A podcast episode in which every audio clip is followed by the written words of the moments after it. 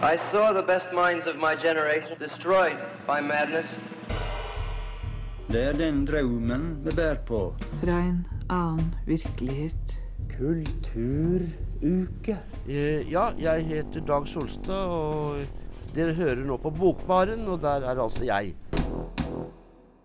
Og her er vi, og vi er her tilbake i um, høstkvelden og koser oss med det. Nå har eh, Ja, kulden har virkelig begynt å ta oss inn. Absolutt. Det er eh, frost på bakken og minusgrader, i hvert fall eh, til mange av døgnets Mm. tider.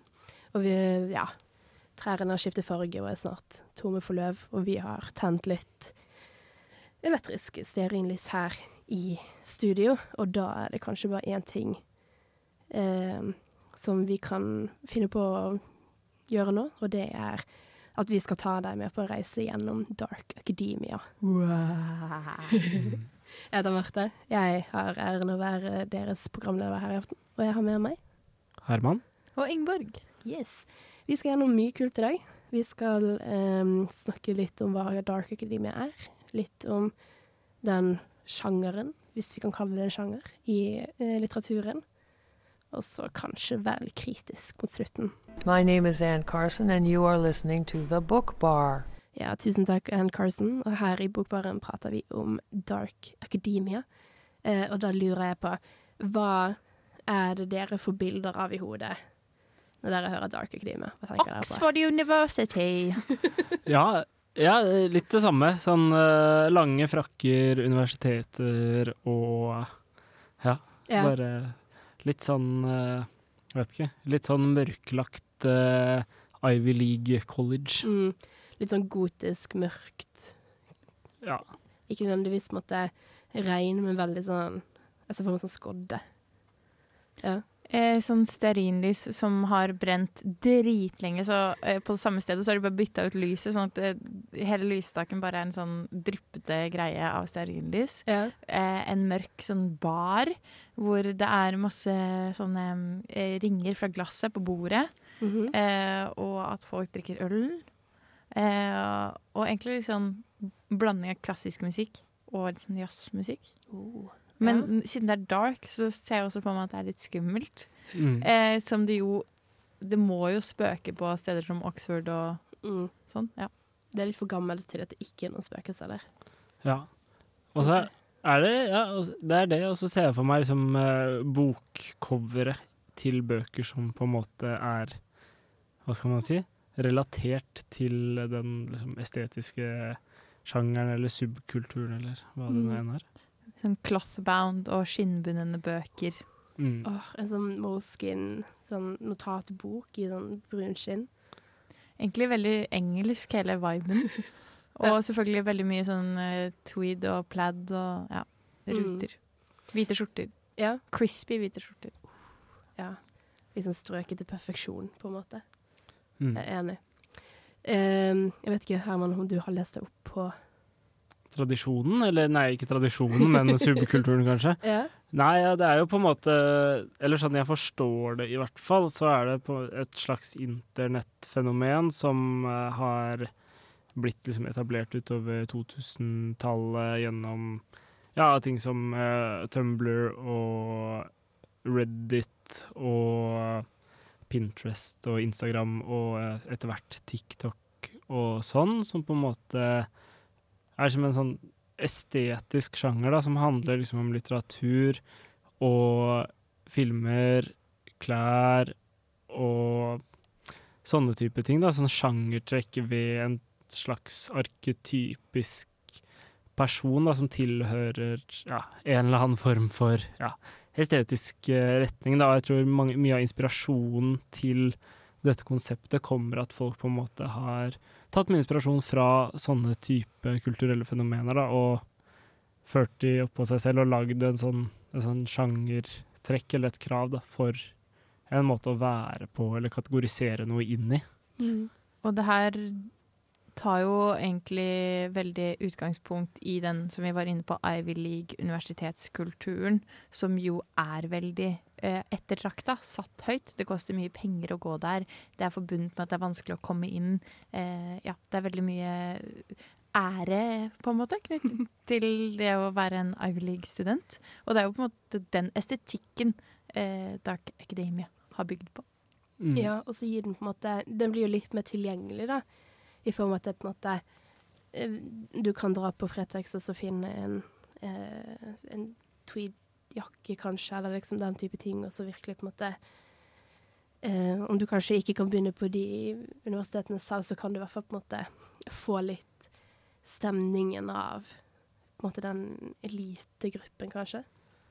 Og så er det kanskje en sånn eh, ideol ideologisering Idealisering av ting som er eldre, gammelt, eh, og som har verdi i den forstand, da, ikke sant? Eh, du skal lese gamle bøker, du skal høre på klassisk musikk, du skal gå i disse klærne som var moderne for eh, ja, 100 år siden. Mm. Det er jo på en måte en stil som er veldig inspirert av på en måte det gotiske, og spesielt liksom um, Sett tilbake igjen til eh, klassisk på en måte type Hellas, Romerriket. Mm. Og studier av disse, ikke minst, kanskje. For meg blir det en slags sånn Kanskje en sånn ja, en uh, idealisering, men også en sånn trivialisering og en folkeliggjøring av den 1900-talls universitetskulturen som på en måte fant sted i Vesten på de beste universitetene som var Mm.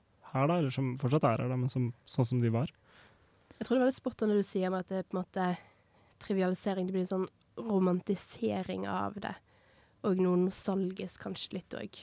Ja, veldig. Uh, og en måte det her uttrykkes på, er jo som vi har vært inne på, liksom, det er veldig estetisk. Så åpenbart klær er en måte å eh, tilnærme seg Dark Academia på. Og det er jo en veldig tidløs stil.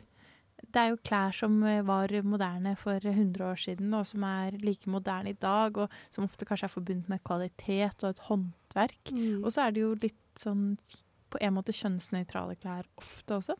Ja. Så det gjør at man kan eksperimentere veldig mye i, både den androgyne og den feminine retningen, kanskje. Ja. Mm, absolutt. En ting jeg lurer litt på, for dette er jo eh, en internett-subkultur, var det vi jo fant ut av. Hadde jeg lyst til å prøve å gjette hvor mange innlegg med den hashtaggen som eksisterer på Instagram? 700 000. Seks millioner. Det er litt ned. 2,3 millioner innlegg på Instagram. Instagram. det var litt i overkant. Hvor mange visninger OK, så denne TikTok kjører litt sånn rar eh, tall mm, Jeg vet ikke. Telling. Eh, så hvor mange visninger tror dere at den taggen har på TikTok? Oi, mange millioner. Ja. Mange millioner.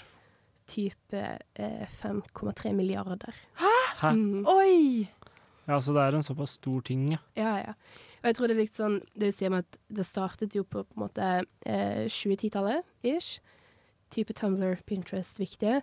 Og jeg tror på en måte TikTok har virkelig liksom blåst det opp. Vi leste jo en veldig god artikkel fra um, Times, eh, New York Times, Mm. hvor de da spesielt eh, trekker tilbake til TikTok. Som er kanskje på en måte eh, Jeg vil ikke si på en måte renessanse av stilen, for den har alltid på en måte vært populær, men at det virkelig har på en måte blåst opp til det mainstream, kanskje. Mm. En sånn slags sånn katalysator for det. Og en ting jeg lurer litt på, har det liksom noe med pandemien å gjøre, liksom? Det tror jeg absolutt. At folk kom på, eller Nå er ikke jeg TikTok selv, men at folk liksom kom seg inn på det i, under pandemien og ble liksom inspirert av det i en tid da skolen på en måte ikke var til stede i livet til folk. Ja, drømme seg bort. Mm. Og så drømme seg bort til noe så romantiske oppgivelser som liksom de her gamle universitetsbyggene på Oxford og sånn. For jeg var litt overraska over at det på en måte var eh, en, ikke en litterær sjanger, men en, en, at man kan snakke om dark academia innenfor litteraturen. Det føler jeg er noe booktalk Det eksist, følte jeg egentlig ikke eksisterte helt før booktalk. Mm. Ehm, fordi jeg har hørt folk si sånn Ja, det er sånn Dark Academia-filmer. Så jeg sånn hm, hva, hva er det? Liksom bare at noen går på en skole i filmen. eh, og så har det kommet fram mer og mer etter hvert som vi har undersøkt det her nå, at liksom Ja, som du sier, Marte, det er jo en veldig sånn estetisk Mm. greie. Så det er jo både applicable til bok og film, men også kanskje mest til en helt sånn vibe, Ja. Mm. hvis jeg kan si. Ja. Så dette er kanskje vårt frieri, frieri til filmofile og sånn. Ha en søsterprogram med oss. absolutt. Snakk om Dark Academia-filmer. Mm. Det er mye bra der. Ja. Ja, det er som jeg tror det er sånn der samle, samlegreie der man bare kan legge masse forskjellige ting inni. Da. Veldig sånn fraksjonert, men også samla. En mye større paraply enn ja, bare en litterær subsjanger.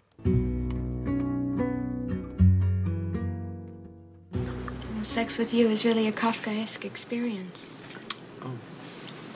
Thank you. Bokbarn. Bokbarn.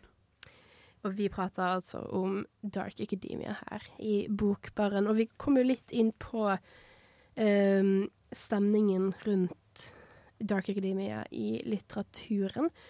Så jeg tenker vi kan jo kanskje gå litt mer nærmere inn på det, om dere har lest noe dere føler på en måte har gitt dere den Dark Academia-stemningen. Vet ikke om du har lyst til å begynne, Herman? Jo, eh, jeg, jo, jeg har jo en sånn umiddelbar som jeg tenker på, men jeg tenkte kanskje å se om jeg kunne nevne noen andre først. Mhm. Og det er litt sånn den derre Jeg vet ikke. Jeg har fått litt sånn den derre følelsen vi har snakket litt om, av å lese 'Picture of Dorian Gray' av Oscar Wilde.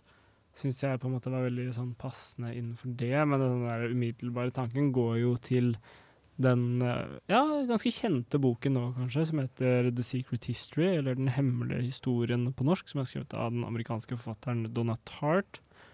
Og den er veldig god. Handler om en gjeng med um, unge voksne, eller ja, ungdommer, eller ja. Man er vel ung voksen når man går på college i USA, men det? Ja. Som har sin egen lille klubb på, på en sånn slags type Ivy League college, da, og gjør mye ja, morsomme, spennende ting. Kanskje litt sånn eh, ja, usedelige ting. Men ja, veldig, veldig god, god roman fra 90-tallet. Mm. Jeg skal snakke enda litt mer om den, men jeg vil bare høre hva du tenker. Ingeborg. Nei, det er jo litt vanskelig i og med at det ikke er en sånn klart definert sjanger, ikke sant? Fordi det kanskje ikke er noe litterær sjanger. Så da må man jo gå litt på det vi har snakket om, det som gir deg denne stemningen. Og jeg tror kanskje ikke jeg har lest så mye sånn litteratur, selv om jeg egentlig digger det. Jeg har sett mye filmer som er sånn. Men eh, jeg tenker på den Stoner av eh, John Williams. Altså ikke komponisten John Williams, Mm. men en forfatter som også ble en sånn slags kultklassiker som fikk en ny renessanse eh, for eh, noen år siden. Jeg føler alle har sett den boka med han som ser ut som Willie Nelson på forsiden, og så står det Stoner. Mm. Eh, og det handler jo om en fattig eh, bondegutt i USA som eh, får en ny sjanse egentlig når han kommer til college. Finner ut at han er veldig god i litteratur, og blir professor og blir værende ved universitetet hele livet. Og der er det masse sånne arketyper som den derre professoren som aldri slutter og alltid tror han har rett, og dør ved pulten sin, og det er ikke måte på. Eh, Så veldig den viben. Ikke sant? Hva med deg, Marte? Skikkelig Dark Academia. Nei, eh, jeg leste nettopp ferdig en bok som jeg vil si er ganske sånn Dark Academia-stemning på, som heter Babel. Som eh, utspiller seg i Oxford på 1830-tallet. Eh, som ser på en litt sånn alternativ variant av historien hvor eh, eh, Storbritannias på en måte industrielle og imperialistiske makt er i stor grad knyttet til eh, eh, sølvmagi, hvor du bruker eh, oversettelse til å gi sølvet på en måte egenskaper som gjør at maskiner går fortere og mer effektivt, og båter eh, går raskere. Men jeg tror på en måte den store eh, dronningen og moren over alle på en måte Dark Academy-bøker, det er jo The Secret History, Mm. som jeg leste nå i sommer, og ble ganske sånn blåst av banen av, Mm. på mange måter. Og så er det jo en serie vi kanskje skal komme tilbake om. Er dette Dark Academia, er det ikke det? Og som vi alle tre mest sannsynlig har lest i hvert fall noen bøker fra. Og det er jo Harry Potter, da. Mhm. Ja, fordi at det er jo Det er vel kanskje litt sånn at uh, ofte så kan ting som på en måte hører til eh, den sjangeren uh, vi kaller fantasy, helle mye over i dette, da. At det bærer på mye av denne samme type estetikk. Ja, og jeg tror også det er noe som kjennetegner litt TikTok-fenomener òg. At det er mye fantasy-litteratur, og kanskje eh, en sånn lesegruppe som er veldig knytta til eh, den sjangeren litteratur Mm. som eh, ruller internett. eh, men eh, Dark Academia er jo også, som jeg har skjønt det, ganske assosiert med skeiv litteratur også. Ja, kanskje litt. Jeg tror det er på en måte litt sånn både òg. Mm. Um, det, det kan jo godt være at du har måte den akademiske måte, delen av estetikken som på en måte er koblet opp med kanskje det Jeg tenker jo at det er på en måte litt sånn mørke tematikker som ofte skal gå igjen litt i kanskje Dark Academia. Og det skeive er ofte på en måte koblet litt opp til det. Det har ofte vært veldig mye på en måte tragedie rundt det, så kanskje det er noe der. Ja, og så i hvert fall flere av disse bøkene som på en måte vi har nevnt nå, inneholder i hvert fall noe form for skeiv representasjon, og, eller er skrevet av skeive forfattere, så ja, med Oscar Wilde, da. Og så Mm. er det jo ja, liten spoiler, men det er jo litt av det også i The Secret History, eller i hvert fall en Ja. Ja. Da er du i hvert fall én skeiv karakter, men det er jo ja, litt sånn. Men jeg tror kanskje det er jo sånn med det internettmiljøet vi har, da, som ja, er en del, stor del av denne estetikken, eller Ja, de er veldig progressive, og de som på en måte skal skrive seg inn i denne type samlebetegnelsen og paraplyen, da, de anvender kanskje mye av de grepene i sin litteratur, om Mm. jeg tar, ikke tar helt feil. Ja, men det er nesten litt sånn paradoksalt at eh, en progressiv eh, subkultur kan embrace noe som er så eh, konservativt som å gå på Ivy League-universiteter. Mm, absolutt.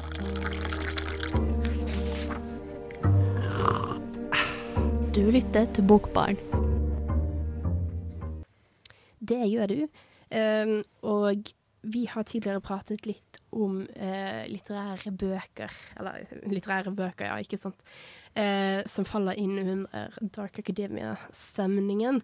Eh, og vi har jo allerede begynt å hinte litt til eh, Dark Academia som eh, en litterær sjanger, hvor jeg får litt inntrykk av at det er litt felles enighet om at det er kanskje ikke noe det er.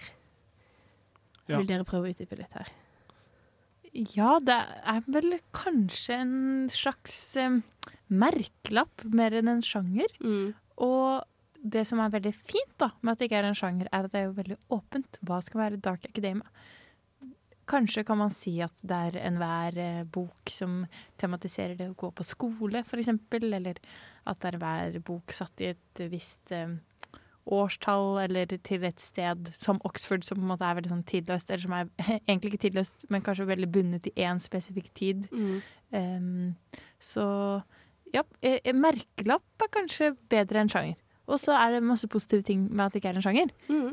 Eh, og sikkert også noen negative ting, og særlig kanskje i resepsjonen av Dark Academia, da, at følgerne anser det kanskje mer som en sjanger enn det det er. Jeg tipper det er sikkert Dark Academia litteraturkurs på universitetene rundt om i verden nå. Ja. Mm. Ja, absolutt. Og ja, jeg tror også sjangerbegrepet er kanskje litt for sånn innsnevret eller fast til å kunne si at dette er en, ja, en litterær sjanger, men ja, dette er et, på en måte at det er mange Ja, en merkelapp, da, som mange forskjellige litterære uttrykk kan innlemmes i, da. Mm. For det er jo på en måte litt sånn Vi har snakket om litt forskjellige bøker eh, som vi mener faller inn under altså samlebegrepet, da. Og det er jo måte Det er jo bøker som er veldig forskjellige. For eksempel sånn Babel, som jeg snakket om, det er jo nesten eh, fantasy, spekulativ fiksjon. Så har du Secret History, som er mer på en måte litterær fiksjon, som kanskje heller mot en type mysterietriller.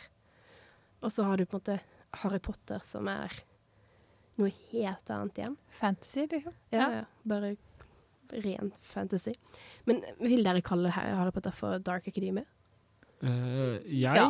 Ja, jeg tror, jeg tror man kan det. Det er jo på en måte handler om en uh, britisk eh, kostskole der elevene går i uniform og ting er ja, ganske mørkt, og det er stearinlys og Jeg syns det Herman sa nå hørtes akkurat ut som beskrivelsen av det jeg har lest av Dark Academia. Ja. Eh, og så når man ser på nettet På nettet! og, og så er det også veldig mye eh, Galtvort law knyttet til Dark Academia. Sånn som eksempel den New York Times-artikkelen. Mm. Der er det en slags sånn test du kan ta. Der er det et bilde med tre forskjellige typer.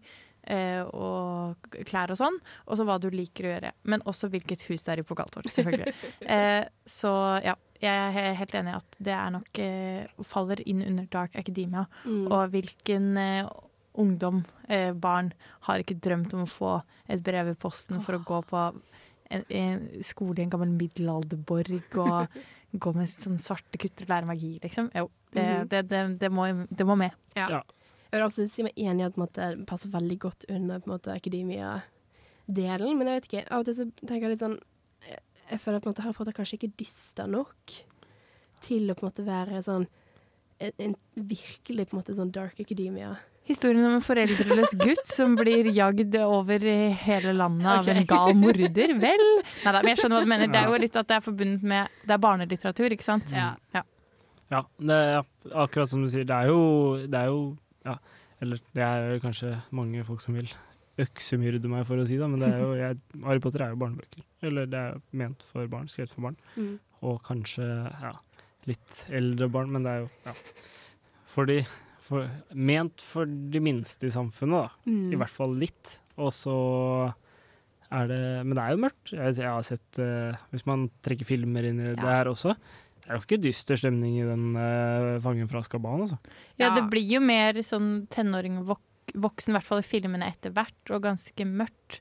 Men det er nok liksom det du sier, Martha, at det forbindes med liksom, kanskje barnelitteratur, og hvorav uh, hvor det Secret History sikkert er mye mer sånn eh, anerkjent bok, en voksenbok, litterær bok, ja. Ja. Men vi, det virker jo som gresk mytologi har en del, eh, gresk og romersk mytologi har en del å si for Dark Academia, og det er det jo masse av i Harry Potter òg. Mm. Eh, man merker jo at eh, JK Rowling har lest litt mytologi og syns det er spennende. Absolutt.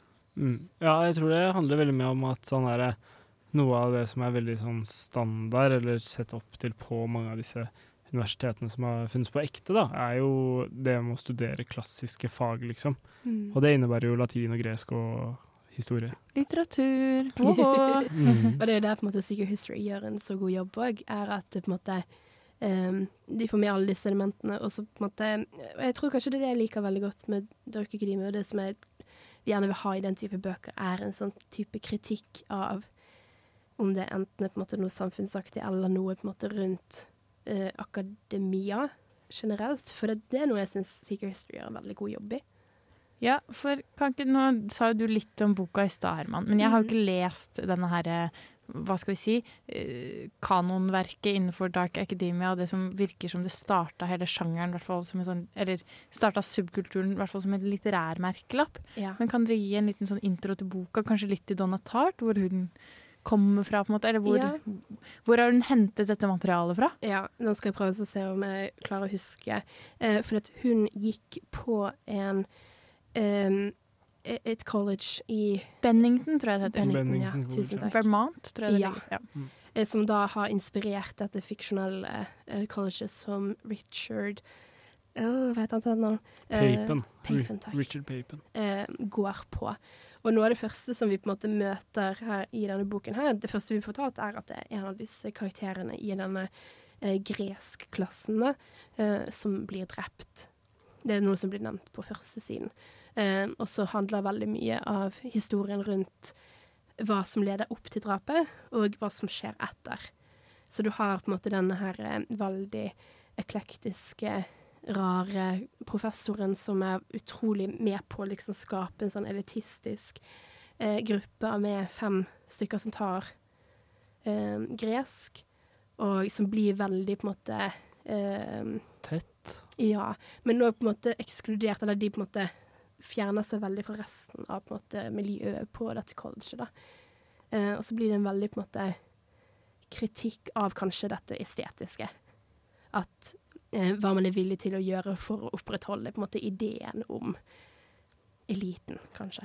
Ja, ok, så det er litt interessant at det er en kritikk, for det virker jo som de som har embraced Dark Academia, er jo veldig Altså, de går jo i de klærne og eh, liksom, ja, hyller veldig den her estetikken, da. Mm. Så det er jo litt spennende å høre at det faktisk er en kritikk i det som de anser som sin bibel. Ja, men ja, det er jo det som Det er jo men disse folka er jo sånn, de er jo kule på en måte også. De virker veldig spennende og oh, ja. dype karakterer. Veldig dypt skrevet eh, karakterer. Ganske lang bok også, på rundt 500 sider. Mm. Eh, og jeg vil også bare nevne sånn kjapt da, at det er en sånn, det er en seriøs roman, da, og Donna Tart er en utrolig anerkjent forfatter. Hun har vunnet Pulitzer-prisen for en annen roman, da, men, og den her er jo skrevet før Harry Potter. Det er veldig sånn Hei, det er Junidar. Les Ibsen og lytt på Bokbaren. Ah, jeg vet ikke helt om Ibsen er Dark Academia, men um, Jo, noe kanskje. Ja. Osvald. oh, Men jeg kunne gjerne hatt uh, The Secret History på norsk lest inn av Junidar, altså. Det sier jeg ikke nei til. Å, det hadde vært så bra. Å, det hadde vært helt nydelig. Um, før jeg på en måte faller helt totalt pladask for den ideen, så må vi bevege oss litt videre. Vi eh, begynte å prate litt om eh, kritikk til subsjangeren. At eh, The Secret History er jo en kritikk til eh, idealiseringen av, en, av det estetiske. Um, og da lurer jeg på om Kan vi gi noe kritikk til dette? Ja. Vil jeg påstå, i hvert fall. Hva med deg, Ingeborg? Eh, nei, eh, da lurer jeg på kritikk av boken, eller av sjangeren, eller jeg bare Sjangeren, spesifikt. Ja, jeg vil påstå det. Skal jeg utdype, utdype min påstand? Ja, gjerne det. Okay. Argumenter nå. Hør på meg nå. Stråmann. Ja, hør, hør, hør på meg nå. Stråmann, stråmann-boken min. Nå skal dere, nå, nå skal dere få høre. Altså, vi har, eh, vi har å gjøre med en forherligelse av et vestlig imperialistisk system som er ganske fett til tider, men som har mange problematiske sider. Mhm. Som uh, står for et stort, eller det er et symbol på klasseskille. ikke sant? At noen er bedre enn andre, og at noen har andre rettigheter som andre ikke har. Og det er jo ikke så fett, og det er jo elitistisk. Og det byr meg litt imot, men jeg syns det er litt kult også. Men en kritikk kan altså rettes mot det, mener jeg, da. Ja, jeg er veldig enig. Ja, jeg òg. At det kan jo være en litt sånn enkel romantisering av det. Og eh, jeg møter meg selv i døra, for jeg har jo en hemmelig drøm. eh, Ikke en hemmelig engang, jeg sier det jo på radio. Eh, om å gå på Oxford. Og senest i forrige år så drev jeg så på sånne der summer classes at Oxford. Mhm. eh, fordi ja, jeg bare syns det er veldig kult. Eh, og jeg syns den stilen er veldig kul og alt sånn. Men men det er jo dumt å romantisere, som du sier, Herman, et uh, oppressing uh, uh, ja, klasseskille, eller bare en sånn maktstruktur, egentlig. Mm. Og det eksisterer jo fortsatt, for det koster jo fortsatt veldig mye mer penger å gå på en Ivy League-skole enn å gå på en vanlig skole. Ja. Uh, og det er fortsatt på en måte mulig å kjøpe seg inn. Det er scholarships, det er hemmelige klubber. Uh, og det er jo disse sportene forbundet med det, liksom. Tennis og roing og golf og som koster en form å holde på med. Men jeg tenker jo også at det kanskje er litt kritikk i denne sjangeren nå. Som du sier, Marte, så virker det som The Secret History kritiserer det litt. Og da vil jeg jo Mhm. tro at den subkulturen på internett også har forum hvor de debatterer eh, pros and cons med ja, f.eks. Ivy League, da. Ja. Jeg vet ikke hvor mye måte internettet har den kritiske evnen til å tenke over det samme, men jeg er veldig enig i det dere sier, og spesielt liksom denne her eh, vestlige ideen om hva som er eh, høy kultur. At du på en måte peker tilbake igjen til liksom gamle Hellas og gamle Romerriket, eh, som absolutt skal ha på en måte sine, eh, sin anerkjennelse for hva den har på en måte gitt det moderne samfunnet, men det er jo riktignok på en måte er det liksom eurosentritismen som vi ønsker å på en måte sette opp på en pidestall. Og det er også noe jeg syns at eksempel Babel gjør en veldig god jobb i. Uh, den er jo kanskje litt for eksplisitt for noen, har jeg lest. Noen mener at den lar ikke på en måte leseren leses veldig mye mellom linjene, for den er veldig tydelig i sitt antiimperialistiske budskap. Men det handler jo veldig mye om måte denne eh, stjelingen av ideer. Der er kanskje Stoner en, en fin sånn Ikke motbok til det, men en bok som viser at underdoggen, som faktisk kommer fra en fattig familie som må selge absolutt alt for Mhm. at uh, den ene sønnen i huset skal få gå ett år på college, uh, at den underdoggen spoiler, faktisk blir professor ved det samme universitetet. Så det er jo en litt sånn kul twist på historien. da. Mm. På en måte litt sånn muligheter òg ved det. Og det er jo på en måte sånn Det skal jo selvsagt Oxford ha, at det koster like mye å gå på Oxford som det gjør å gå på hvilket som helst annet eh, universitet, selv om selvfølgelig dine forutsetninger for å komme inn på Oxford er selvfølgelig bedre hvis du har klassen med deg. Men å gå på Harvard, eller Yale, eller eh, Penn State, eller jeg vet ikke, alle disse amerikanske skolene. Brown. Mhm. Brown, uh, Dartmouth, eller Cornell. Princeton. Ja. Ja, Ja, Cornell, fy faen. Jeg får bare The Office-vibes når du sier det, men ja. Mm. Jo, for jeg skulle til å si det. Jeg tror vi alle har så måte sett litt på Gilmore Girls, for eksempel. Det vært sånn, åh, jeg skal skrive Rory på Yale og kunne leve ut min Dark Academia-drøm. Mm. Mm. Men der er det dyrt da, borti, borti de forente amerikanske United. stater, ikke arabiske emirater. Men det, ja. Det er sikkert dyrt der òg, men eh, Ja. det er kanskje ikke like mye tweed og ullbukser der. Nei, men vi skal jo sende med lytterne våre noen eh, tips etter hvert også. Du hører på Bokbaren.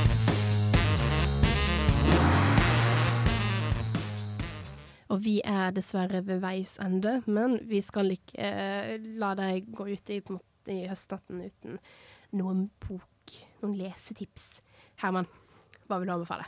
Jeg vil anbefale The Secret History av Donald Tart. Det er en seriøs og utrolig godt skrevet roman som har en enormt spennende handling.